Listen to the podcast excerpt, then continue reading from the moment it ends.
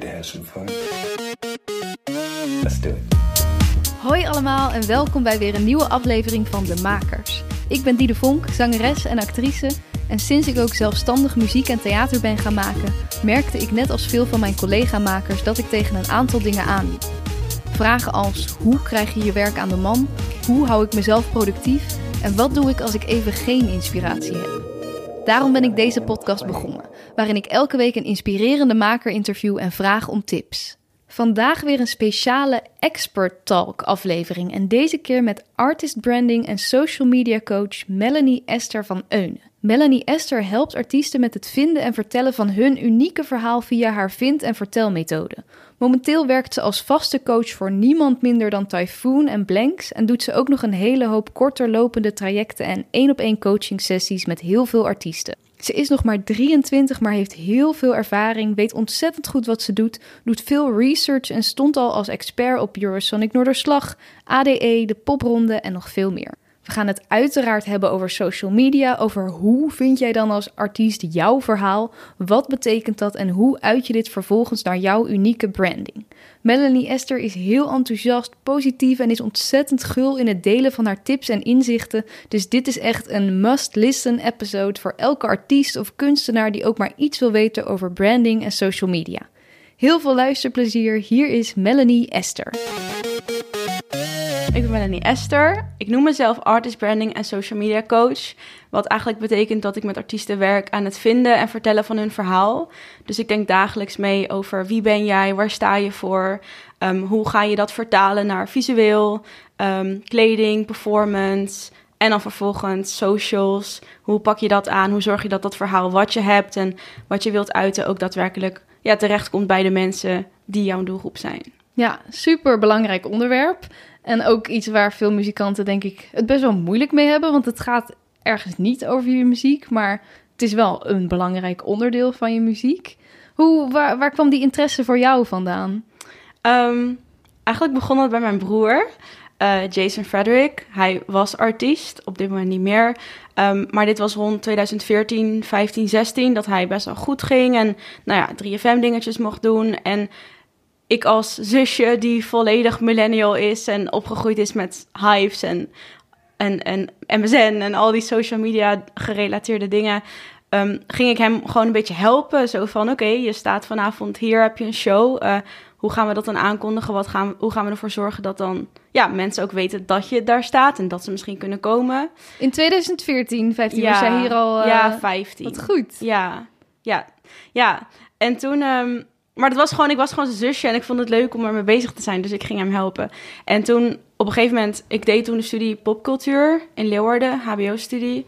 En toen mensen op school merkten dat ik dit voor mijn broer deed. Omdat ik dat natuurlijk zelf dan ook weer deelde. Dat ik een beetje post met hem deed. Of uh, hielp mee te maken. En toen was het op school zo van, oké, um, ja, wil je mij ook helpen? Of weet je wel, kun je me wat meer vertellen daarover? Want ik snap het, of ik weet, ik weet ook niet hoe ik het moet doen. Ja, zo. Ja. En toen eigenlijk door school ben ik er uh, ja, steeds meer mensen bij gaan helpen. En ja, gewoon mijn medestudenten gaan helpen bij hoe zij het dan kunnen doen. Want waren ze, met die studie popcultuur zitten daar ook veel mensen op die zelf dan wel artiest willen worden? Of? Ja, het is echt een hele brede opleiding. Heel veel mensen kennen het ook niet. Mm -hmm. Maar het is eigenlijk word je inderdaad echt opgeleid voor popcultuur. En nu noemen ze het zo van um, um, zelfstandige ondernemers binnen de creatieve sector. Zo. Oh ja. Maar dat was toen werd het nog niet per se zo genoemd. Maar het zijn heel veel artiesten, maar ook um, festival, uh, organisatoren of vormgevers of film, filmers, videografen, fotografen. Echt van alles. Dus er zat gewoon een hele bom vol met creatieve mensen. Gaaf. Ja, dus je ging ook echt heel veel met elkaar je krachten bundelen en zo mensen verder helpen. Mm -hmm. Ja, en dan was ik er dus nog uitzoeken en wat ik wou doen binnen alles wat ik leuk vond en nog steeds vind. En toen kwam dat zo allemaal een beetje bij elkaar samen eigenlijk. Dus niet alleen artiesten. Bijvoorbeeld Kraantje Papi heeft er gezeten. Thomas oh, was okay. hier. Ja. Um, maar dus echt van alles. En zo kan je elkaar juist weer heel erg helpen. Ja, vet. Ja. Leuk inderdaad dat je zo vroeg al met zoveel verschillende disciplines dan samen zit. Ja. Heel ja. inspirerend lijkt me. Ja. En hoe is dat met jou gegaan? Want we gaan het zo natuurlijk helemaal hebben over hoe, wat is die vind- en vertelmethode en hoe, wat, wat doe jij met artiesten. Maar je bent zelf dus ook een bedrijf. En hoe heb jij jezelf in de markt gezet? Ja, ehm, nou, het is heel grappig, want ik, ik uh, kwam dus van de HAVO. Toen ging ik mijn opleiding uh, popcultuur doen. En ik was eigenlijk ook actrice. Dit weten niet veel mensen. Nee. Um, ik had auditie gaan voor toneelschool in Rotterdam. Uh, met, de, met de opleiding CMV, Culturele Maatschappelijke Vorming. Daar was ik aangenomen, maar toen vond ik dus de opleiding die ik uiteindelijk ben gaan doen. En toen dacht ik, ik vind het zoveel meer leuk dan alleen maar thea toneel spelen, theater maken. Uh, want ik vond filmpjes maken ook leuk en schrijven vond ik ook leuk. En uh, toen ben ik dus die opleiding gaan doen. Nog steeds niet echt wetende wat ik nou wou doen. Want dat is ook de bedoeling daarvan dat je alles kunt, kunt doen. Mhm. Mm -hmm. En toen, nou ja, rond de tweede, derde merkte ik van... oké, okay, ik vind social media echt heel leuk. Dat is echt wat ik wil gaan doen. En daar wil ik me ook in specificeren, specialiseren. En toen uiteindelijk kwam dat, dat stukje artiesten erbij. Social media artiesten. Dus toen had ik dat stukje. En toen uh, ging ik naar de vierde. En toen had ik heel erg het gevoel van... ik wil niet per se meer alleen maar naar school gaan. Ik wil ook heel graag echt iets in de industrie kunnen doen... waardoor ik, nou ja, daar oh, echt veel leer, werkervaring ja. krijg. Ik had al wel een stage gedaan. En toen kwam ik in contact met Anna Oosterling. Zij Mhm. was brandmanager en tourmanager van Typhoon toen ging ik bij haar um, één dag in de week een half jaar lang meewerken. Dus we zaten gewoon, zoals we nu ook hier zitten, um, gewoon aan tafel. Um, ik ging gewoon met haar meewerken. Ik ging gewoon alles van haar leren en meedenken. En gesprekken voeren met artiesten waar zij dan gesprekken mee had. En toen dacht ik van, wow, maar er is ook nog iets wat voor social media komt. En dat is, ja, wat, wie ben je en wat, wat wil je vertellen überhaupt? En dan kan je pas een post maken. Ja. Dus toen kwam ik daarachter, toen heb ik dat helemaal geleerd. En toen ging ik afstuderen. Toen ging ik dus die methode ontwikkelen. en eigenlijk tijdens mijn studie zei mijn docent, Rutger Middendorp, wat echt gewoon mijn mentor was in mijn opleiding, die zei tegen mij van, je moet gewoon je eigen bedrijf opzetten. Want als je hier officieel geld mee wil verdienen, mm -hmm. dan is dat wat je moet gaan doen. Ja. En ik dacht echt, ik wil helemaal geen eigen bedrijf. Ik wil gewoon, ik, ik zag mezelf gewoon in een kantoor met collega's en gezelligheid, een fijne sfeer, wat ik ook bij mijn stage had ervaren. En toen dacht ik, ik wil dat helemaal niet. Maar ik wil wel dit blijven doen wat ik nu doe. Want Ja. dit, dit geeft me zoveel enthousiasme en energie. Toen dacht ik, nou oké, ik moet het maar gewoon doen. Dus toen ben ik gewoon naar de KVK gegaan, heb ik me ingeschreven. Spannender dan dat was het ook echt niet. um, ik had geen businessplan geschreven of iets. Of uh, ik had ook geen website. Ik had um, voor mijn afstuderen wel een logo gemaakt. Maar ik schreef me dus in in, de, in, de, in december van mijn laatste jaar. Dus ik moest Mhm. nog een half jaar voor mijn studie. Oh ja. En um, nou ja, toen tijdens mijn afstuderen wist ik wel dat ik er echt verder mee wou. En toen was het ook een hele logische keuze dat ik me inschreef. Maar ik heb echt wel, nou ja, Rutger heeft denk ik wel een half jaar lang tegen mij gezegd, doe het nou. Doe het. Want hoe zat het dan? Want Anna Oosterling had je het net over, daar heb je stage bij gelopen. Zij heeft toch ook een eigen bedrijf dat Get Your Act Together heet? Ja. Kon je niet bij haar, wilde je niet bij haar blijven werken? Want dat, zij doen in principe ook dezelfde soort dingen, toch? Ja, klopt. Um, zij is nu gestopt daarmee. Ah. Um, dat was eigenlijk, want ik stopte dus met mijn, of was klaar met mijn traineeship in uh, janu februari 2017. En toen was zij zwanger. Um, nee, 2018. Toen, 2018. Toen was zij zwanger. En toen stopte ze dus ook bij het branding gedeelte bij Typhoon. En toen wa was het team van Typhoon zo van... ja, maar we hebben wel nog iemand nodig die dat blijft doen. Jij hebt het al een half jaar met ons gedaan. Weet je wel, zullen we gewoon kijken wat er gebeurt als we daarmee verder gaan. Dus, dus... tijdens je opleiding was je al de, de branding manager van Typhoon eigenlijk? Ja. nou, ik noem mezelf dus geen branding manager. Ik nee. noem mezelf echt een coach. Mm -hmm. Daar heb ik heel bewust onderzoek naar gedaan ook. Um, maar ja. ja. ja. Maar dat komt echt wel grotendeels gewoon door Anna en hoe ik door haar helemaal begeleid ben in het proces. En het, het ging ook zo vloeiend. En ik heb echt vorige week nog met haar gebeld. Zo fijn als iemand je, weet je wel, als je gewoon zo'n fijne connectie met iemand hebt die je gunt en, en op plekken neerzet. En door haar ben ik ook grotendeels in de industrie geplaatst, voornamelijk. En ja, ja dat, dat, is heel, dat is heel tof. Is maar toch, ja, ja, in dat geval dus, Get Your Actuated, daar is zij dus mee gestopt. Ah, uh. Okay. Ja. Ja. Ze geeft nu les op de Herman Brood Academie. Heel cool. Ook cool. Ja, daar is heel, heel nice mee bezig. Maar dat is inderdaad... Je hebt toch ook soms wel gewoon zo één iemand nodig die in jou gelooft... of die, die je inderdaad even zo mee op sleeptouw ja. neemt. Want ja. hoe heb je haar overtuigd uh, dat je ja, zo met haar... zo echt één op één met haar mee kon werken? Um, nou, ik, ja, precies wat je zegt. Ik vind het ontzettend belangrijk om als iemand je inspireert... die persoon te contacten en te laten weten waarom je die persoon zo tof vindt. Want mensen voelen zich gevleid en vinden het alleen maar leuk als iemand enthousiast en geïnteresseerd is in die persoon. Dat merk ik nu ook zelf als mensen dat bij mij bijvoorbeeld hebben. Maar ik ging dus ook heel vaak en nog steeds ga naar events waar ik denk dat soort mensen te kunnen ontmoeten. Dus toen was ik naar de muzikantendag geweest in, dat was dus wel 2017, in mei. En toen, zij gaf daar een college van een half uur over social media voor artiesten. En ik was zo geïnspireerd. Ik dacht, wow, deze vrouw, zo cool. en toen eh, ben ik dus uh, ja, na haar college naar haar toe gegaan. En ik zei van, ik wil heel graag iets doen in de industrie, maar ik weet nog niet precies wat. Als in wel de social media, maar niet in wat voor vorm of bij een bedrijf of een werk of stage. En toen zij zei, nou, ik zoek eigenlijk ook wel iemand, want zij, het ging dus heel snel en goed bij haar. En toen, uh, ja. Perfect. Ja. Dat is ook het lot. Dan, Ja, soort van. Ja, geloof ik 100% in. Zoals je weet via mijn Instagram.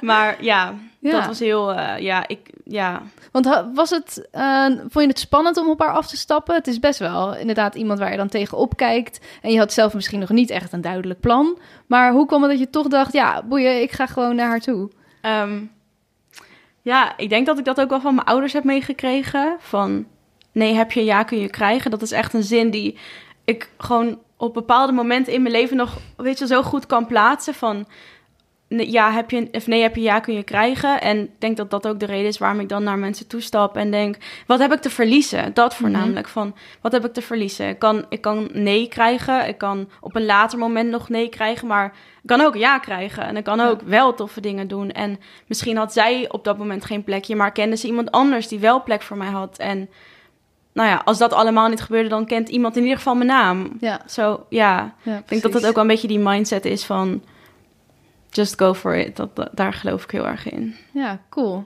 En volgens mij onderbrak ik je, want we waren nog bij... eh, ik wilde even terug van hoe, hoe dat dan zo gelopen was. Maar, oh ja, naar hoe jij dus je eigen bedrijf bent gestart. Dat heeft jouw eh, mentor je veel in gecoacht. En Mhm. ja, hoe, hoe is dat opgestart van... Oké, shit, ik weet niet, wil ik wel een eigen bedrijf? En eh, nou ja, naar nu ben je... Je laat jezelf ook veel zien op Instagram. Je, hebt, eh, je bent, wordt veel gevraagd voor eh, festivals, panels... eh, op best wel een jonge leeftijd al. Hoe Mhm. heb je dat, nou ja, zo gedaan? Oh, zo, ja. Ehm, nou, eigenlijk begon dat dus voor mij begon, ja, ik ben eigenlijk hier echt al vier jaar mee bezig. Ik begon met Blanks. Die is op dit moment nu echt heel groot, maar toen had hij iets van, hij is YouTuber. Hij maakt hele vrolijke muziek. En toen had hij iets van 20.000 volgers op zijn YouTube. Daar begon ik mee. En dat was nog, nog helemaal voor mijn traineeship en voordat ik Anna ontmoette. Dit was in 2016. Dus daar begon ik mee. En gedurende, nou ja, nog steeds mijn hele... Sinds toen werk ik met hem en, en zijn we dingetjes gaan schaven aan hem. En hij was echt mijn testcase, zeg maar. In, Ja. in, in alles wat ik leerde, zei ik... Simon, ik heb een nieuw idee. Laten we het proberen. Zo. En ehm, nou ja, daardoor is dat nog steeds zo gegaan. Ja. En toen ging ik afstuderen. En toen wist ik dus wel van... oké, ik wil hier echt mee verder. Eh, ik weet dat ik het zo leuk vind... dat ik mijn baan ervan wil maken. En toen, maar ik merkte gewoon heel erg dat... want ik ging dus vaak naar panels... waar ik nu dan zelf in zit. Ja. En ehm, ik merkte gewoon heel erg dat artiesten vaak nog weggingen... met het gevoel van... maar hoe dan? Ja. How? Ja, hoe werkt dit? inderdaad. Hoe dit doolhof van Mhm. algoritmes en advertenties... en nou ja, al die marketingtermen die er op je worden gegooid... ehm, ja, want soms is een inspirerende speech tof of zo, maar inderdaad, wat, wat, wat dan? Ja, je gaat de deur uit, maar weet je dan echt hoe jij het kunt gaan toepassen? Je kan ehm, voorbeelden horen van One Direction, maar jij bent niet One Direction Mhm. en zit waarschijnlijk ook niet op dat level, dus nog niet. Weet je dus hoe ga je dan dat voor jezelf toepassen? Die Ja. vraag, dat, dat zat in me en ik wou dat zo graag onderzoeken. En toen ben ik dus voor me afstuderen met Blanks als testpersoon Mhm. ehm, een methode gaan ontwikkelen. Eh, dat heet Vind en Vertel. Dat was toen echt een soort, eh, ja, het, is, het ligt echt op mijn kamer als een werkboek. Ehm, maar uiteindelijk heb ik het niet zo de markt ingebracht op dat moment. En was het gewoon meer mijn visie, mijn onderzoek, mijn idee van... oké, zo komen we tot het verhaal van een artiest en zo gaan we het vervolgens vertellen. Maar ik heb daarin dus heel veel onderzoek gedaan, ook voor mezelf. Van, dat vind ik ook altijd een heel mooi iets om mee te geven van, voor alle makers die ook hier naar luisteren. Maar van, hoe noem je jezelf? Als in, ben ik een marketeer? Ben ik een strateeg? Ben ik een mentor? Ben ik een, nou ja, coach? Mhm. Uiteindelijk is het geworden. Ik heb daar echt lang onderzoek naar gedaan van hoe wil ik nou dat mensen mij zien en, Ja. en eh, hoe dat ik overkom. Toen dacht ik gewoon, ja, ik ben gewoon een coach. Zoals dat je naar, zangcoach, naar zangles gaat en je Mhm. daar een zangcoach hebt, ben ik er ook waarmee je af en toe zit of belt of Ja. mailt. ehm, en ik geef je advies. En ik zeg niet, dit is hoe het moet, Nee, maar dit is hoe jij het kunt doen. Dus dat is bijvoorbeeld een verschil met een manager waarschijnlijk, die het echt meer overneemt en zegt, nou ja, zo en zo gaan we het doen. Ja, nou ja, management is natuurlijk eigenlijk ook nog weer een andere tak. Want dat is gewoon vaak day-to-day met heel Ja. veel keuzes maken. En de manager staat natuurlijk ook altijd in, in contact met de artiest. Maar bepaalt zelf inderdaad wel keuzes van... Nou ja, dit interview of dit Ja, optreden is niet relevant. Nee. En, maar ik denk dus echt gewoon mee met de artiest. En eh, sta ik eigenlijk altijd in contact met de artiest van... Oké, hoe zullen we dit doen? En hoe past het bij jou? Ja. Dus, dat, dus toen heb ik dus die methode ontwikkeld. En toen merkte ik heel erg van... Wow, ik heb nu iets wat, waarmee ik kan zeggen... Ik heb iets. En weet je wel, dit kan iets voor jou betekenen. Het, Ja. het was letterlijk op dat moment een product. Ehm, ja, want het was dus eerst echt een soort werkboek wat Ja. artiesten misschien zelf konden invullen. En, ja, en waarom heb je het niet zo naar buiten gebracht? Ehm, nou, ik merkte dat, dat toen daar nog niet klaar voor was. En ik had ook helemaal niet echt artiesten die mij volgden op dat moment. Of ik had niet echt een plek waar ik het kon brengen, zeg Mhm. maar zo. Online of offline. Ehm, maar toen had ik dus een gesprek met Martijn Krama. Wie is dat? Eh, dat is een, ook manager is hij en doet ook veel met branding en socials. Heeft een boek geschreven, baga ba Basisbagage. Volgens mij heet het zo. Correct me if I'm wrong, zeg maar, als hij dit nu luistert. maar ehm, met allemaal tips voor artiesten en echt over alle onderwerpen. Dus gewoon echt een handleiding. Ehm, maar ik had hem dus een berichtje gestuurd, want ik wou graag een keer met hem praten. En toen... ehm, en toen zei hij tegen mij: Ja, maar als jij wil dat jij op pen, bij panels spreekt en op bepaalde plekken komt en mensen zien dat jij iets weet, dan moet je dat ook laten zien. Dan moet je ook laten zien dat je iets weet. Ja, je Toen kan niet zomaar, ja. Ja, toch? Ik moest, weet je wel, toen dacht ik: Fuck, dat, dat klopt. Dus dat- toen, toen, ben ik, ehm, toen ben ik dus mijn kennis online gaan delen. Ja. En filmpjes gaan maken en in mijn stories heel veel tips gaan geven. Of als ik iets zag van wat vind ik ervan of hoe kan het beter of waarom is het goed. En toen op een gegeven moment merkte ik heel erg van wow, nu dit wordt gedeeld. En weet je wel, mensen delen het in hun stories of sturen het door of sturen het in een klasse WhatsApp van artiesten, muziekstudies. En toen begon het zeg maar steeds meer te groeien. En toen Ja. kreeg ik natuurlijk ook meer, eh, ja, bekendheid zelf van, oh, zij weet iets, zeg Ja. maar zo. En zij kan mij ook verder helpen. En toen ben ik dus begonnen met eh coaching sessies. Eigenlijk dit, maar dan zonder microfoons. Gewoon anderhalf uur eh, praten over de struggles en ideeën van artiesten. En dat was eigenlijk een heel mooi tussenstapje van ehm, mijn kennis online delen naar offline. Die mensen zien die mijn filmpjes bekijken. Ja, En daar specifieker tips en feedback geven. En zo, nou ja, en uiteindelijk ben ik dus die methode die ik had ontwikkeld voor mijn afstuderen gaan uitwerken tot een traject van een half jaar. En met allerlei opdrachten. Eigenlijk is dat, eigenlijk heb ik mijn methode alsnog ja. omgezet en is het nu een traject. Maar ik denk dat het ook ergens, misschien niet voor iedereen, maar een stuk waardevoller nog is dat, je, dat ze jou dan elke keer weer zien. En dat je het samen erover hebt dan dat je inderdaad in je eentje een werkboek in Ja. zit te vullen als artiest. Want dan doe je dat en dan, nou ja, het is toch altijd fijn om even te sparren. En Ja. jij kan daar inderdaad, als iemand ergens tegenaan loopt, gelijk een directe coaching over Ja. geven. Ja, want dat is ook vaak het ding van... Bedoel, alles staat online, snap je? Als jij Mhm. je magnetron kapot is, dan weet je ook hoe je hem... Kan je online opzoeken hoe je hem repareert, maar je laat toch een reparateur Zeker, komen, zeker. zeg maar zo. en dat is in feite met dit ook zo. Als er iemand tegen je, tegenover je zit... En nou ja, dat is met alles zo, toch ook met ehm, therapie en whatever, van... Dan opeens krijg je een spiegel voor je en ik van ja, waarom heb ik eigenlijk deze caption geschreven? En waarom heb ik eigenlijk dit beeld erbij gezet? En had ik eigenlijk een betere foto? En dan kun je er ook meteen mee aan de slag. Dus ik ben heel blij dat ik toen geen werkboek daadwerkelijk gemaakt heb die ik toen al ging verkopen. Maar nu ben ik dus wel op het punt gekomen dat ik merk dat dat handig is. Dus, want ik heb dus eigenlijk eh, drie samenwerkingen voor me. Eentje is dus dagelijks, dat is met Blanks en Typhoon. Daar werk ik gewoon echt op dagelijkse basis mee en denk ik over alles mee. Dan heb ik dus dat traject. Mhm. Dat volgen nu ongeveer iets van tien artiesten. Dat is een half jaar. En dan heb ik dus coaching sessies. Maar ik merkte heel erg dat... Dat is dus eenmalig. Maar ik merkte heel erg dat tussen de coaching sessies en het traject Nou ja. best wel een, een gat zat. ja echt. Of echt één keer of een half jaar. Ja, weet je wel, met daarbij ook de investering die erbij komt en de dedication die je daarvoor moet hebben, of die ik verwacht dat je daarvoor hebt. En toen dacht ik, oh, ik moet iets hebben wat dat gat opvult. En eh, toen merkte ik gewoon heel erg dat ik toch iets op papier moet zetten waarmee artiesten zelf aan de slag kunnen op ei- aan hun eigen tafel, zonder dat ik er direct bij ben. En toen zei ik tegen mijn moeder, ja, maar als ik dat wil doen, dan moet ik mezelf gewoon opsluiten. Ik moet gewoon dan Mhm. Weet je wel, ik, dat zal iedereen herkennen. Je bent met zoveel dingen bezig. En dan nog ook nog een heel iets schrijven of whatever. Dat zag ik gewoon niet voor me. Dus toen ben ik, ehm, dit is twee weken geleden, in een huisje in eh, Zeeland gaan zitten. Of nou, net, net nog Zuid-Holland. Om me daar eh, in Center Parks. om daar gewoon echt te gaan schrijven en het Ja, te gaan maken. Ja. Tof. En is dat helemaal ontwikkeld nu? Ehm, nou, ik heb dus... Want ik vind het dus heel belangrijk om heel veel vooronderzoek te doen van hierbij ook. Noem- Hoe noem ik het? Mhm. Want ik zei gewoon werkboek, maar ik wist al dat het geen werkboek, dat het niet zo moest heten. Dus het heet kennisbundel. Oké. Ik maak kennisbundels. En ehm, het is letterlijk wat het is. Ik heb mijn kennis gebundeld. En ik heb dus drie werkboeken, kennisbundels. Ehm, eentje is dus het vinden van je verhaal, dus branding.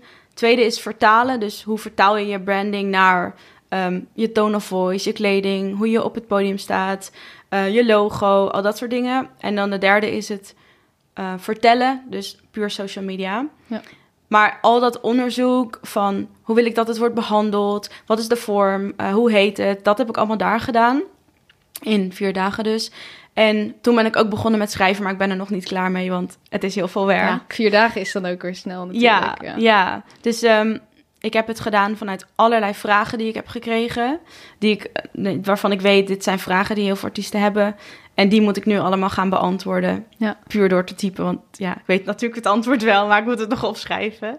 Dus daar ben ik nu mee bezig. En dan hoop ik, eh, ja, ik denk ergens eind maart de eerste, dus het, het vinden Leuk. te, in de wereld te brengen. Nice. ja. En ik denk dat er heel veel artiesten zijn die nu luisteren die denken... Oké, maar wat, wat is het dan? Wat, hoe, wat moet ik doen? Eh, Heb je... Ja, ik, ik snap dat je niet alles wil weggeven natuurlijk. Maar wat is iets waar jij nou, met een artiest als eerste dus naar gaat kijken? Ja, ik vind het wel grappig wat je zegt van... ehm, ik weet dat je niet alles wil weggeven, want zo, dat zullen heel veel mensen zeggen. Terwijl ik heb heel erg zoiets van... Wat, wat ik net ook zei, van je kan zoveel vertellen, maar hoe is het voor die persoon? Dat, dat is echt aan die persoon. Je kan niet... Je praat zo vaak generaliserend. Als ik ook in zo'n panel zit, dan denk ik, ja... ehm, weet je, dan krijg ik vaak, ja, hoe maak je een advertentie? Ja, ik, op deze manier. Maar voor die persoon kan het anders Ja. werken en voor die persoon weer op die manier. Dus ja, en ik geloof sowieso dat kennis delen gewoon zo'n belangrijk Oh, iets top. is. Dat Ja. vind ik ook mooi. Dat er gewoon een overvloed aan mag zijn. Ja, aan ja, delen toch? Ik bedoel, ja, ja, daar geloof ik heel erg in. Maar, terugkomend op je vraag, hoe dan? Ehm, kijk, het begint gewoon allemaal bij wie jij bent. En ehm, ik zal het even misschien iets breder houden in plaats van alleen maar muziekartiesten. Van ook, weet je, ook als je een theatermaker bent, acteur eh, of welke vorm dan maker. Uiteindelijk valt of staat het allemaal bij van wie ben jij en waar sta je voor en waarom doe je dit? Je drive is ook zo belangrijk iets. Daaruit kan je al zoveel halen. En dan bij dat antwoord krijg je al verschillende antwoorden. Bij die vraag krijg je verschillende antwoorden. De een zal zeggen, ik doe het om een maatschappelijke reden. De ander zal zeggen, ik heb zelf iets meegemaakt en dat wil ik heel graag, weet je wel, verder brengen. Ja. Ehm, of ik vind gewoon kleuren heel leuk. Dat Mhm. kan letterlijk een antwoord zijn. En oké, waarom vind je dat dan leuk? En zoveel heeft te maken met doorvragen. En dat doe ik dan als ik in een gesprek zit. Maar dat, weet je wel, kun je uiteindelijk ook zelf door echt te denken van... oké, ik heb nu opgeschreven dat ik kleuren leuk vind. Maar waarom vind ik dan kleuren leuk? En wat doet dat met mij? En zijn er kleuren die ik mooier vind dan de ander? Of nou ja, zo. Sorry, ik zit allemaal in het kleuren. zo ja, weet je wel, zo Ja. word ik al heel... Ik word daar heel energiek van. Van oké, maar waarom dan? Ja. Dat elke keer... Ja, dus ook inderdaad daar echt, nou ja, of, dus of met jou, maar of met jezelf echt even een spiegel voor te houden. Oké, eh, stel ik vind, het, eh, ik vind het zelf belangrijk dat iets eh, een beetje eh, maatschappelijk is. Dat het Mhm. eh, geëngageerd is, dat het iets toevoegt of zo. Maar inderdaad, wa- waarom vind je dat dan? Ja, Dat is ook best wel confronterend Ja. misschien voor artiesten. Om, ja, ja, hebben ze, is dat soms lastig? Nou ja, het is wel gewoon een heel psychologisch iets in feite. Toen ik met Blanks ermee begon, was het ook van... Ja, maar wat, Wat is het dan? Waarom wil je dan happy vibes uitstralen en overexcitement? Waarom is dat dan? Nou ja, en dan kom je op een gegeven moment wel op bepaalde onderwerpen dat je denkt, ja, er zit veel meer onder dan alleen maar dit antwoord bij elke artiest, weet je? En daarom vind ik coach ook een heel mooi iets van, ik denk ook gewoon met je mee en het wordt ook persoonlijk, dat is logisch, weet je. Ik heb met Typhoon, die heeft een burn-out gehad van anderhalf jaar. Ik weet er alles van, omdat ik met hem zoveel erover heb gesproken. En uh, nou ja, interviews van tevoren moest lezen en al dat soort dingen. Um, dat, ja, je komt dichtbij. Mm -hmm. En het is ook maar weer net van hoe de artiest zichzelf daarin uh, wil profileren. Want er zijn natuurlijk ook artiesten die meer een bepaald imago zichzelf aanmeten. Of Ja, ja. nou ja, misschien zelfs wel een persona zijn.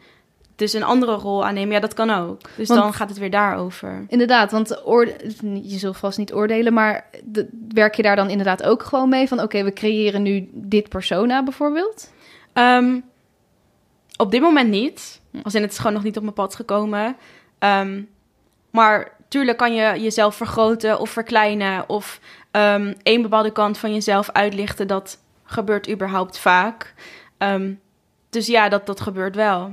Maar dat is niet het, het faken van iets. Maar puur, nou ja, net als acteur neem je ook een andere rol aan in een, in een ander toneelstuk of zo. Ja. En zo, als je dat als één artiest vergroot, kan dat ook een project worden.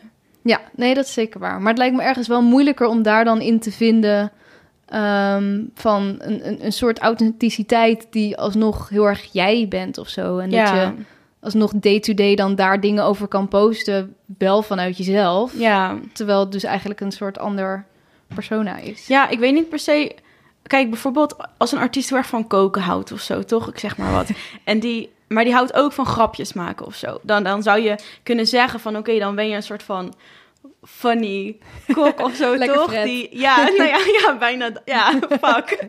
inderdaad. Ja, maar als je dat bijvoorbeeld nog wat meer zou... Misschien had ik hem wel in mijn hoofd inderdaad. Misschien als je dat nog meer zou vergroten of zo, dan, kan je, dan wordt dat wel een persona. Ja, ja. Want Fiesse Fleur is niet echt lekker Fred elke keer. nee, nee. Zeg maar, dus zo, zo heb je verschillende rollen binnen je eigen project, binnen, nou ja, zo. Ja. En dan ga je da- daaromheen een, een, een consistentie bouwen. Met Mhm. dus inderdaad een boek zoals hij heeft. En, Ja. en optredens bij de Wereldwijd Door waar hij kookt. Zo. Dus dan past dat allemaal uiteindelijk ook weer bij elkaar. Ja, zeker. En ehm, wat ik me ook af zit te vragen is misschien als, als mensen dit luisteren, die denken, oké, maar dan heb je een soort eh, methode die je dan doet met artiesten.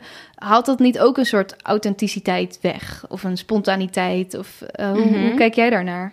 Ehm, daar heb ik dus ook onderzoek naar gedaan. Maar ik noem het dus heel erg... Het is geen one size fits all.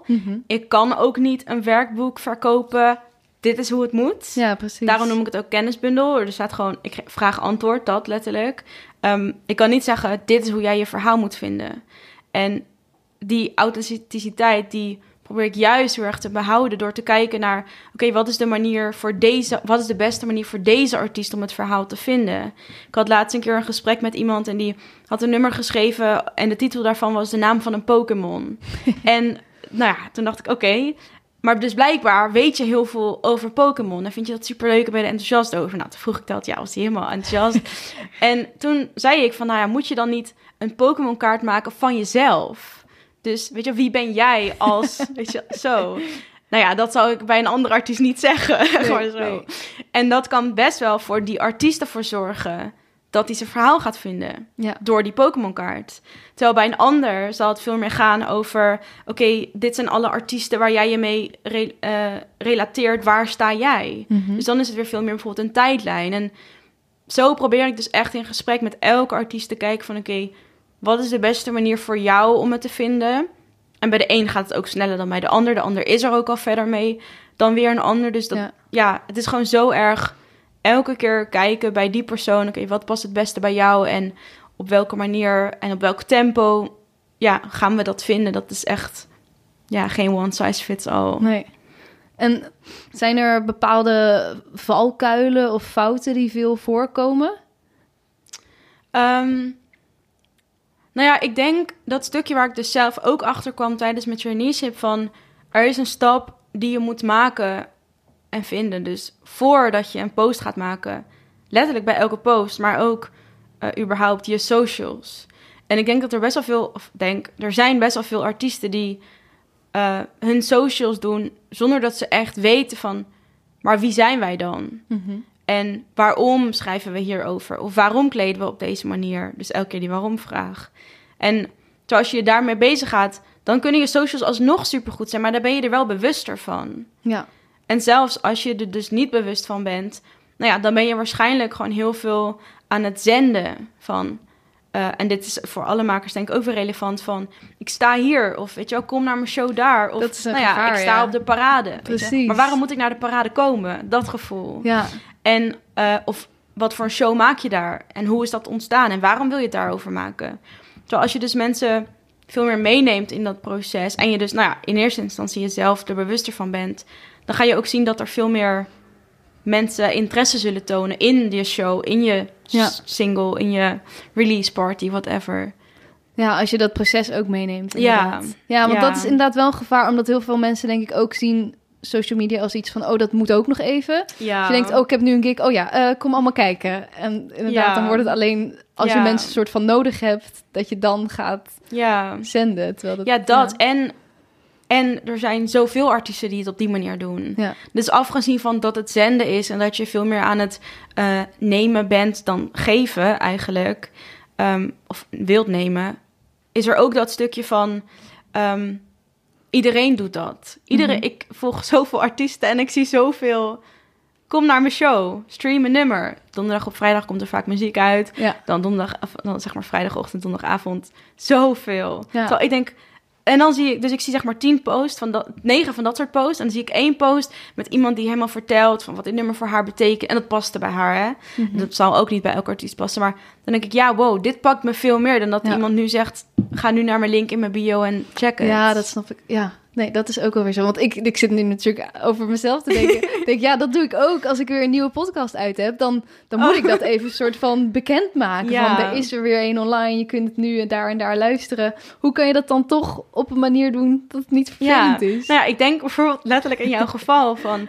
eh, ik, bijvoorbeeld van waarom heb jij bepaalde gasten uitgenodigd? Want Ja. kijk, jij bent natuurlijk zelf wel... Jouw hoofd is belangrijk voor de podcast ook. Want nou ja, je ziet jou, Mhm. eh, je ziet je foto's op je, op je Instagram zelf. Dus waarom vind jij het belangrijk om Django uit te nodigen? en nu ja. is dat helemaal leuk, leuke Ja. vorm gekregen. Maar wat- of waarom wil je Shu Yang? Daar zitten, of. Tesco, of wie dan ook.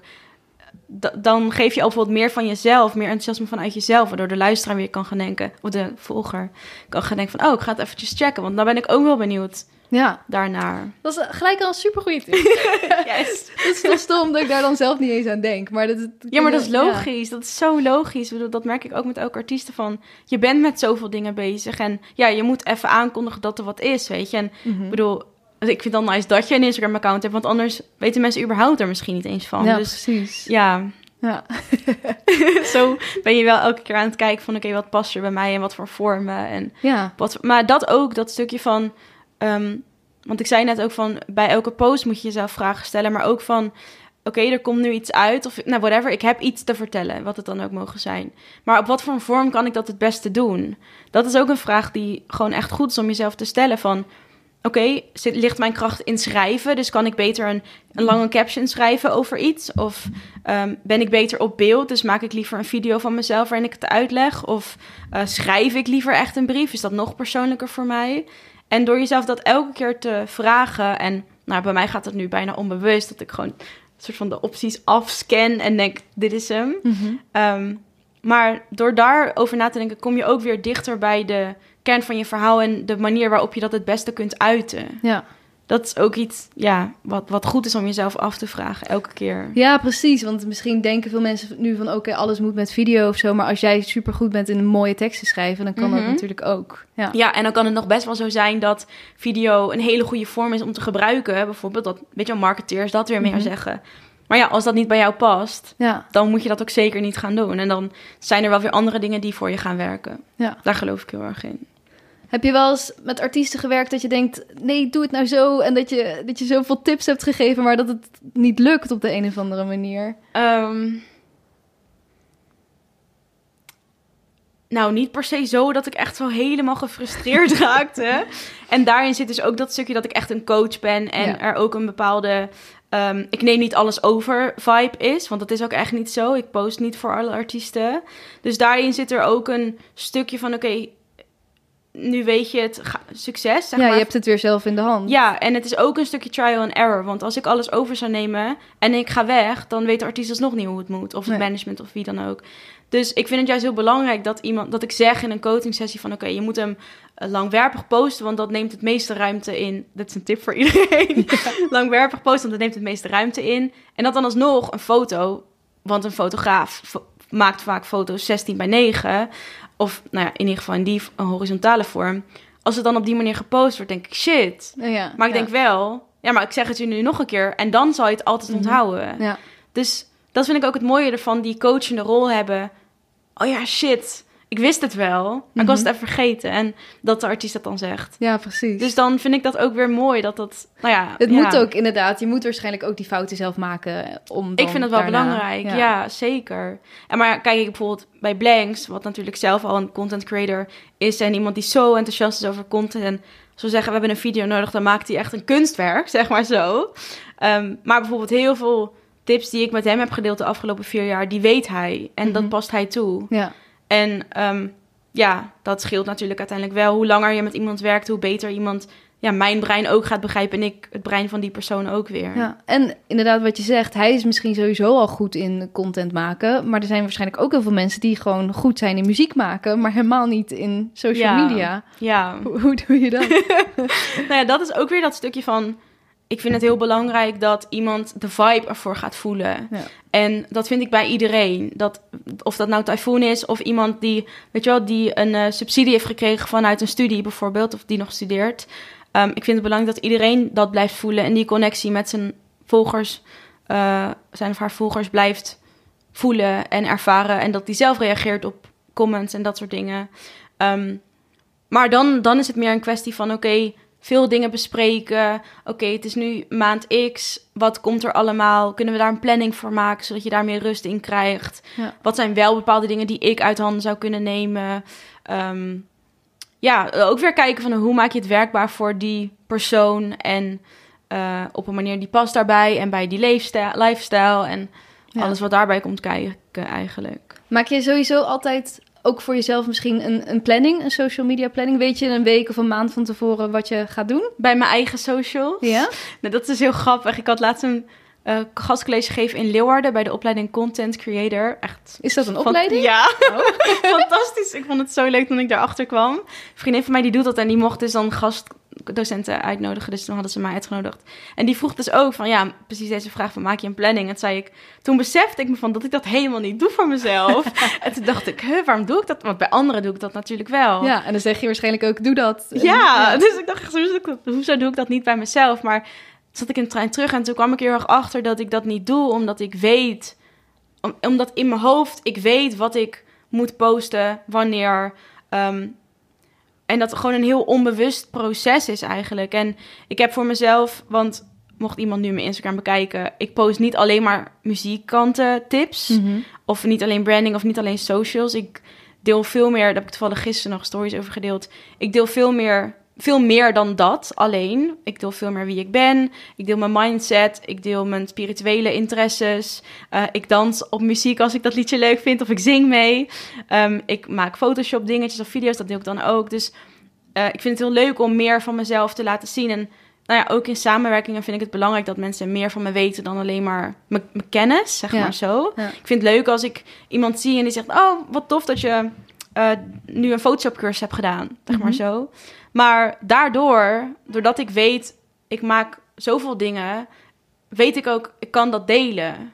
En ik kan bijvoorbeeld, ik heb voor mezelf wel een structuur en die staat wel op papier van: Oké, branding en social media is het grootste bolletje, zeg maar Ja, zo heb ja. ik het eh, gemaakt. Daar moet ik het meest over posten, want dat zijn de meeste van mijn volgers. Ik wil dat dat de meeste van mijn volgers zijn. Dus het meeste moet daarover gaan. Maar mijn mindset en spiritualiteit en motivatie, positiviteit vind ik ook belangrijk. En ook voor artiesten. Dus Ja. dat rondje is wat kleiner, maar is er ook. Dus als ik bijvoorbeeld tien posts heb, of nou negen in dit geval, dan, dan zouden er dus ehm, zeg maar zes moeten gaan over nou nee, dat is niet waar. Vijf moeten gaan over artiesten en tips. En drie over mindset. En twee over whatever, andere dingen. Ja. Zeg maar zo. Dat heb ik wel voor me in mijn hoofd. En als ik dan zie dat ik al drie keer iets over artiesten heb gepost, dan weet ik, oké, nu moet er dan weer even een post komen over mindset. Want daar heb ik ook veel volgers voor. Ja, Zo. precies. Dus ik heb geen planning, maar ik, ik weet wel van, oké, nu zit ik hier. Hier maak ik vast een foto. Ja. Ehm, weet je wel zo. Nou, dan kan ik dat posten als dat uitkomt. Dan kan ik misschien nu nog een andere foto maken, zodat ik zeg maar zo. Ja, dus toch wel een beetje vooruitdenkend. Ja. Ja, precies. Maar niet in een planning. Nee. En ik vind dat heel tof dat jij ook jezelf laat zien en inderdaad ook een keer een dansje doet en eh meezingt met een liedje. Maar ik kan me ook voorstellen dat heel veel mensen die nu luisteren denken van ja, ik, ik ben een beetje bang dat, dat, dat mensen daar niet op zitten te wachten of zo. Dat is denk ik zo'n groot probleem Ja. van ja, sta ik daar voor de camera, wie, wie zit daar nou op te wachten? Ja. Hoe kijk jij daarnaar? Ik hoopte echt zo erg dat je dit ging aansnijden. Want ik zat net op je wc. Oh. En, jij hebt daar, en je hebt daar een muur met allemaal hele mooie quotes. En daar stond dus eentje van... Het maakt niet uit wat anderen ervan vinden... als jij het maar leuk vindt. En ik vond die... Ik las hem net, ik vond hem zo mooi. En dat is ook zo waar. Ik bedoel... Het boeit me echt niet of iemand het niet leuk vindt... als ik gisteren een filmpje opneem... waarin ik zing op een nummer van Mac Miller. Dat boeit me, ik vind dat zelf zo leuk. Ja. En dat is ook hoe ik social media voor mezelf wil gebruiken. Van, het is gewoon een stukje van mij. En ik deel echt niet alles hoor. Ik, ik deel nooit als ik met vrienden ben of als ik met mijn familie ben. Dat vind ik allemaal niet relevant. Uiteindelijk is het wel een business account wat ik echt heb. Ja, Ehm, ja, een soort van business binnen mijzelf. Maar dat stukje van, vindt iemand het leuk? Dat moet je überhaupt loslaten. Want jij vindt het leuk. Mensen volgen jou omdat ze jou leuk vinden. Dus zij vinden dat ook leuk. Ja. Als ze het niet leuk vinden, then they're gone. Dat is ook goed. Dat zou goed moeten zijn. Prima. Want dan horen ze niet binnen jouw volgers. Maar ook dat stukje van, als jij enthousiast over iets bent... dan gaan zij dat ook zien. Mhm. En dan kunnen ze er ook enthousiast over worden. Want als ik bijvoorbeeld... Ik ben bijvoorbeeld heel enthousiast over... Of enthousiast. ehm, geïnspireerd en geïnteresseerd in het universum. Mhm. En ik noem mezelf een universe kid. En ik deel daar ook wel dingetjes van. Maar eh, dat deel ik. En dan krijg ik vervolgens op een gegeven moment... Nou ja, deed ik dat dus regelmatig. Komt af en toe terug als ik iets zie of de maan. En dan krijg ik nu DM's van mensen die een mooi fotolijstje zien met de maan. Oh ja. Of een shirt, of een sleutelhanger, of een mooie quote. Of weet je wel, het is vandaag volle maan, dat, dat DM'en mensen mij. Mhm. Maar dat komt puur omdat ik het zelf, hè, omdat ik zeg dat ik dat leuk vind. Terwijl als ik dat, als ik zou denken, oh, dit vinden mensen vast niet leuk, dan, weet je wel, blijft het daar. Mhm. En dan, eh, ja, ik kan er ook weer anderen mee inspireren. Ik denk dat je zo moet denken van, oké, ik hou van koken, maar wie zit er te wachten op kookfilmpjes? Ja, maar misschien gaan anderen daardoor wel ook die recepten maken. Ja, en, precies. Maar ja, omdat je toch, je, jij bent zelf ook je business of zo. En daar zitten misschien ook een soort van hele zakelijke klanten op te kijken. En die denken, Mhm. ja, ik wil alleen maar Ja. voor de muziektips. Wat is dit? ja, klopt. Hoe, hoe kijk je daarnaar? Ja, ik zie alles gewoon als mijn vibe. Ja. En als mijn vibe is dat ik. eh, ehm, ik wou zo even nog naar de kilo shop hier zo. Als ik gewoon Zeker. een toffe jurk zie. en ik denk, ja, dit is nice. En ik doe, deel dat met de visie van, weet je wel, koop meer vintage. Ga niet meteen naar de, eh, whatever, fast fashion om daar te shoppen.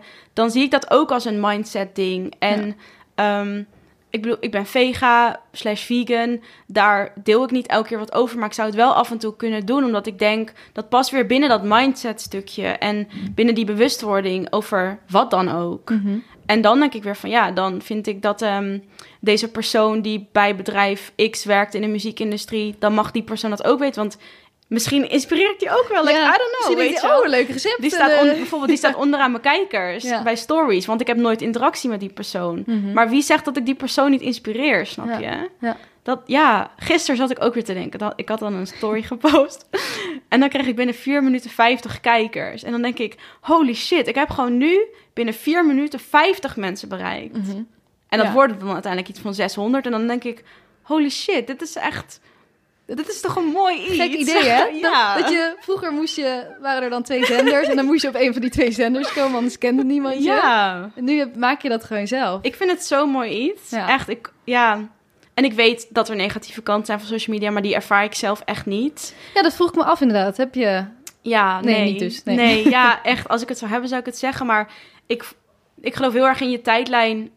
Eh jouw tijdlijn maken. Zeg Ja. maar de mensen die jij volgt. Ik heb zoveel mensen die ik volg, die ik gewoon puur online ken. Die, gewoon, die ik echt beschouw als close friends, zeg maar. Weet je, omdat ik gewoon met ze dingen deel. Of zij stories delen waarvan ik denk, dit voel ik ook. En eh, iedereen waarvan ik dat bij, waarbij ik dat niet voel, die volg ik niet Nee. of ontvolg ik. En dan, je kan het zo erg je eigen plek maken. En ik geloof zeker dat je je kan eh, soms eenzaam kan voelen als je alleen op de bank zit en ziet dat iedereen naar feestjes gaat. Maar dan vraag ik me af van oké, wie zijn die mensen en waarom, waarom voel ik me daar eenzaam door? Ik heb gisteren iets super leuks gedaan. Ja. ja. Zeg maar zo, dat is ook weer dat mindset stukje van... Ja, nee, elke keer als ik mijn pagina open, denk ik... Hey, het is een little party. Zeg maar zo. Oh, maar dat is echt goed Maar bij inderdaad. artiesten kan dat Ja. natuurlijk wel vaker voorkomen, dat zeker. Ja, en wat ik zelf soms ook wel eens heb, als ik zelf gewoon even ja, niet, niet een super dag heb of zo, of dat ik ook niet heel veel zin heb om dingen te posten. Mhm. Dus daarom is misschien dan zo'n planning wel weer handig of zo. Of ja, hoe, hoe doe jij dat? Als je post je dan gewoon niks? Of Ehm, nou, dat is dus wel grappig, want ik had bijvoorbeeld... Ik zei gisteren dat ik met mijn moeder in de auto en zei ik... Ik heb helemaal niet zoveel zin om mezelf te filmen de laatste dagen. Want ik deel dus best wel vaak dingen in stories en dan zet ik mijn camera neer en dan praat ik over iets of iemand. En toen dacht ik, wow, ik heb dat eventjes niet. En toen dacht ik, ja, maar dat is ook prima. Want niemand Ja. vraagt nu, yo, where you at, weet je. ja. En misschien denken ze het wel. En dan zien ze me weer, denken ze, oh ja. Maar dan zijn er ook weer dingen die je kan posten. Dan deel ik weer misschien meer muziek. Of meer ehm, quotes. Of ehm, doe ik een eh, throwback van een post, van een caption dat ik net gedaan.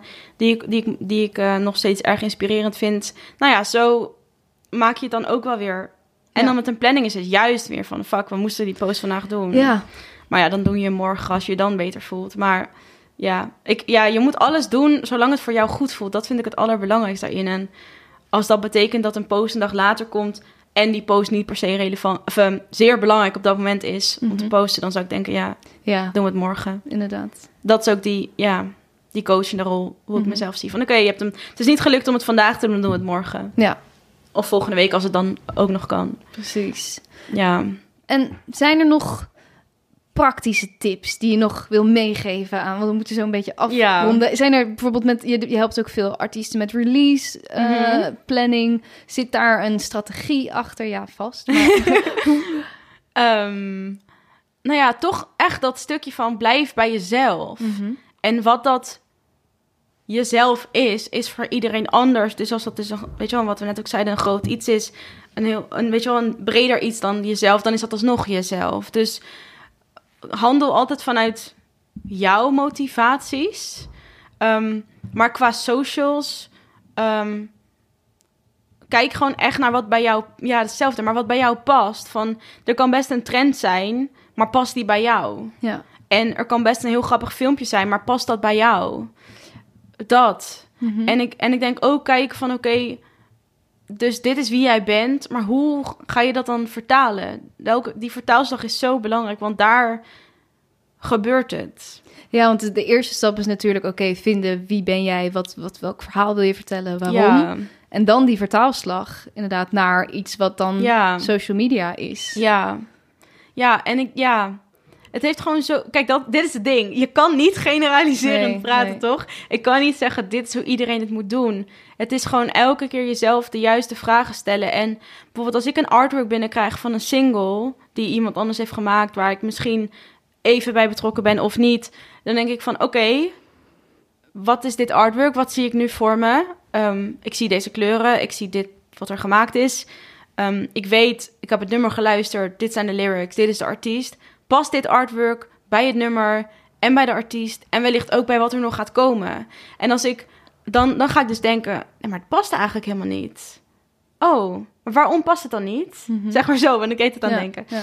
En ehm, hoe zou het dan wel passen? En betekent dat dat er iets moet aangepast worden binnen het bestaande artwork? Betekent dat dat de hele vorm niet klopt? Moet er wat anders? Ehm, s- elke keer jezelf vragen blijven stellen. En uiteindelijk ook wel met anderen weer spreken erover. Van, ik laat heel veel aan mijn moeder zien en aan mijn broer zien. Van, gewoon, weet je wel, die, die zijn er niet per se zo direct mee bezig. Maar wel van, jij als gewone luisteraar, even zo gezegd, love them, maar van hoe zie jij dat? En voel jij dat ook daarbij? En soms zeg ik het wel, soms niet aan het begin.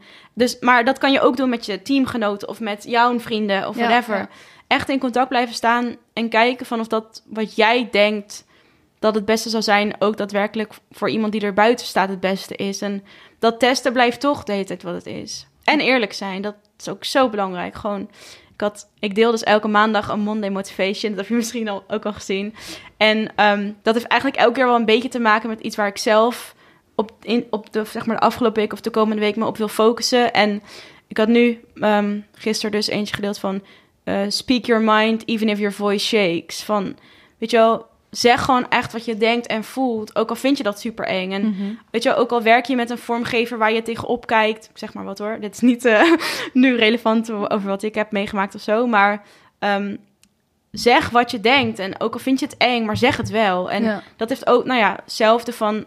Bijvoorbeeld als je als acteur een, een show... Of nou ja, als artiest, whatever, een show doet... en je vindt het gewoon echt te weinig... want je weet dat je meer verdient. Ja. Zeg dat. En nou ja, nu helemaal terugkomen op het allerbegin... van misschien eh, wordt er niet meteen een verandering aangebracht. Misschien verdien je niet meteen meer. Of misschien wordt het artwork niet meteen aangepast... maar je hebt er zelf wel weer van geleerd. En misschien wordt het wel aangepast. Ja. Zo, dat, dat vind ik zo belangrijk om gewoon dicht bij jezelf te blijven... En, maar daarin ook wel te zeggen wat je echt vindt... Mhm. in elke vorm.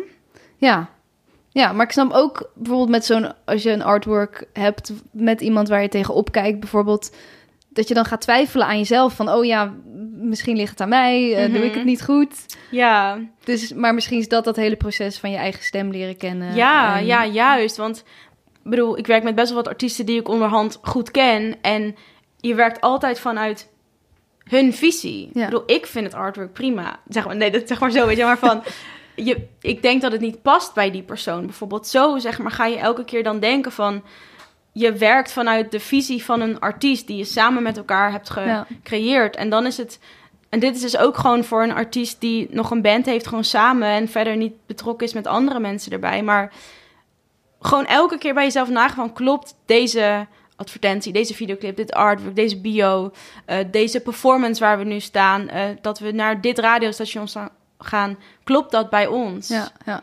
En dan, maar kijk, als je dat doet en als elke keer eigenlijk het antwoord dan uiteindelijk ja is en wordt, dan ga je ook zien van ehm, dat het duidelijk wordt wie jij bent naar anderen. Want je bent bij Funix omdat je niet bij koffietijd moet zijn. Zeg Ja. maar zo, toch? ja. En wordt het- artwork ja. ziet er op die manier uit. En je speelt mee op die trends. En dan ga je uiteindelijk ook die doelgroep bereiken van... Ja, dan weten mensen ook meer wat ze aan je hebben en waarom ze jou moeten hebben. Ja. En dan wordt het uiteindelijk ook consistent en gaan mensen ook echt zien van, oh ja, dit, dit, dit klopt gewoon allemaal. En Ja. dan kan je ook als kijker of luisteraar, whatever, nieuwsgierig worden naar van, oké, wat is er dan nog meer en hoe, wat, wat wil ik dan nog meer zien? Oh, er is ook nog een YouTube-kanaal. Oh, daar staan dit en dit. Oh, Mhm.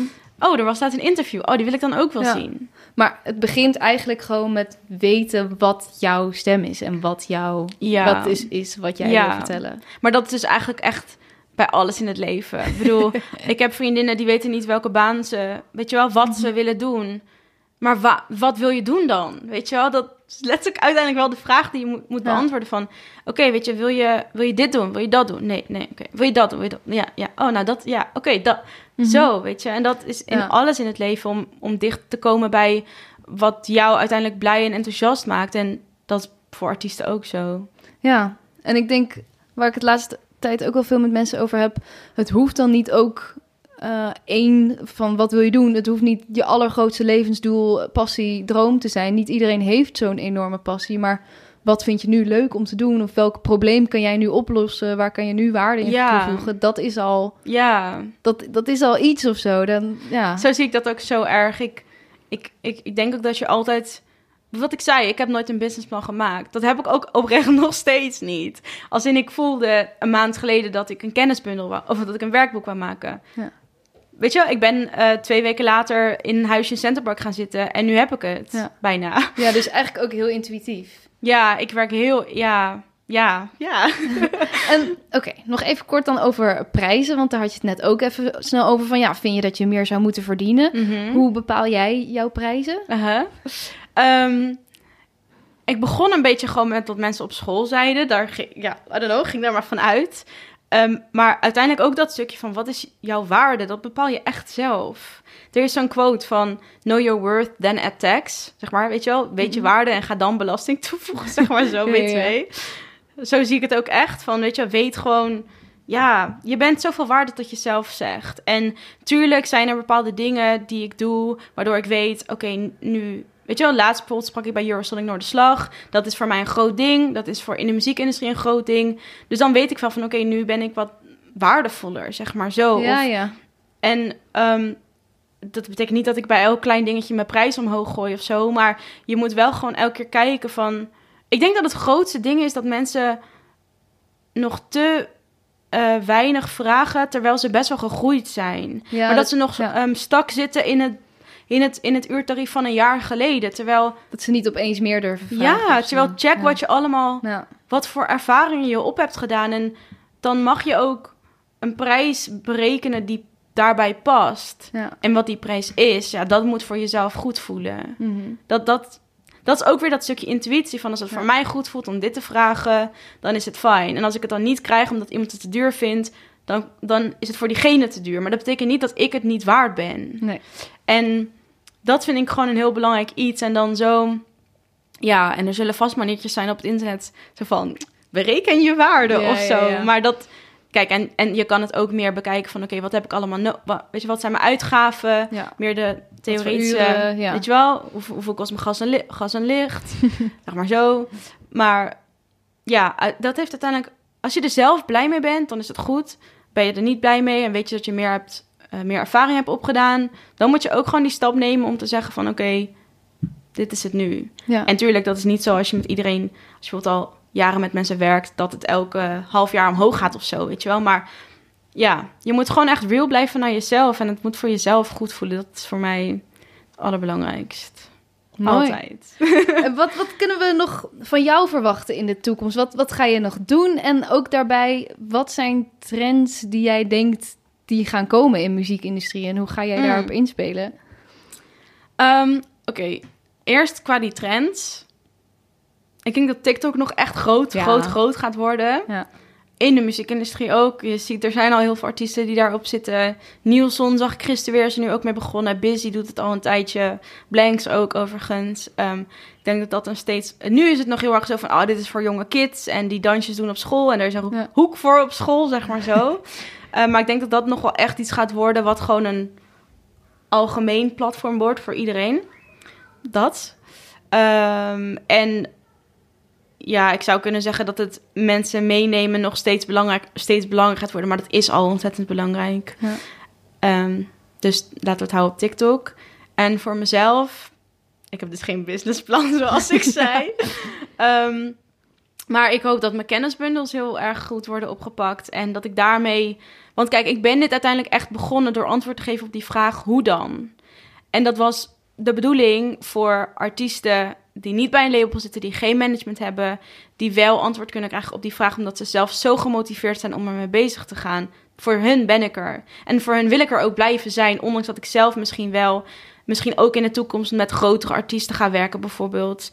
Ehm, maar dat ik er wel altijd nog voor hen kan blijven zijn, dat vind ik heel belangrijk. En Ja, ik hoop tof. dus dat die kennisbundels daar echt aan bij gaan dragen. Dat ik ehm, ja, hen kan laten groeien met de kennis die ik zelf elke keer krijg.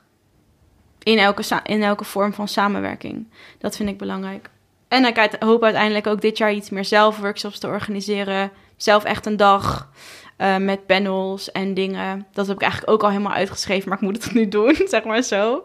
Spannend. Ja, gewoon dat. En ehm, ik ben nu wel iets meer bezig met ook mensen ehm, opleiden. Dus bijvoorbeeld, ik heb nu iemand die gaat afstuderen bij mij. Wauw. Dat vind ik heel leuk. Dus dat je misschien op een gegeven moment mensen in dienst krijgt. ook. Ja, nou bijvoorbeeld stagiair, zeg maar zo. Ja. Of mensen waarvan ik weet dat ze ontzettend graag hierover willen leren. Dat ik hen daar kansen in kan geven. Zoals Anna bij mij deed. Ja. Zeg maar zo, dat zou ik heel... Ik wil heel veel kleine Melanies, zeg maar. Wat goed. Paying it forward. Ja, vind ik heel belangrijk, ja. Cool. Ja, had ik jou nog iets moeten vragen? Wil je nog iets kwijt? Ehm, nee, ik denk dat heel, ik vind het heel leuk dat het ook heel veel gaat over mindset, want dat is zo'n groot onderdeel. Het is Ja. echt in alles, maar ook in social media en branding van artiesten. Dat vind ik heel mooi. En uh, ja, ik wil zeggen, thanks. En dat jij door moet gaan ook met wat je doet, want het is echt heel leuk. Super lief. Dankjewel. Dankjewel.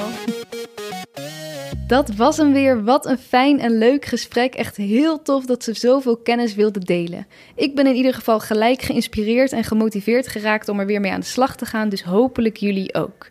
Hier wat takeaways. 1. Het begint allemaal met wie ben je, waar sta je voor, waarom maak jij wat je maakt. Er is natuurlijk niet één methode die bij iedereen past en werkt. Dus stel jezelf echt heel serieus even al deze vragen en werk vanuit waar jij voor staat als maker.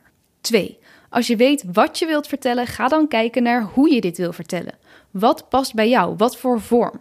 Misschien is video's maken op dit moment populair, maar als jij veel beter bent in communiceren via tekst of tekeningen, doe dat dan vooral.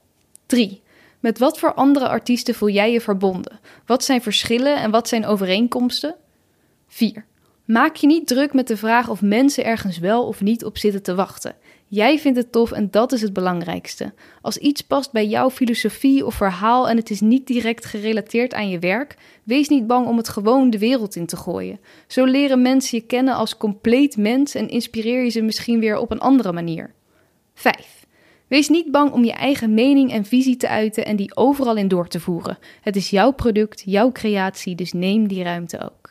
Dat waren ze. Ik ben heel benieuwd wat jij het meest waardevol vond aan dit gesprek.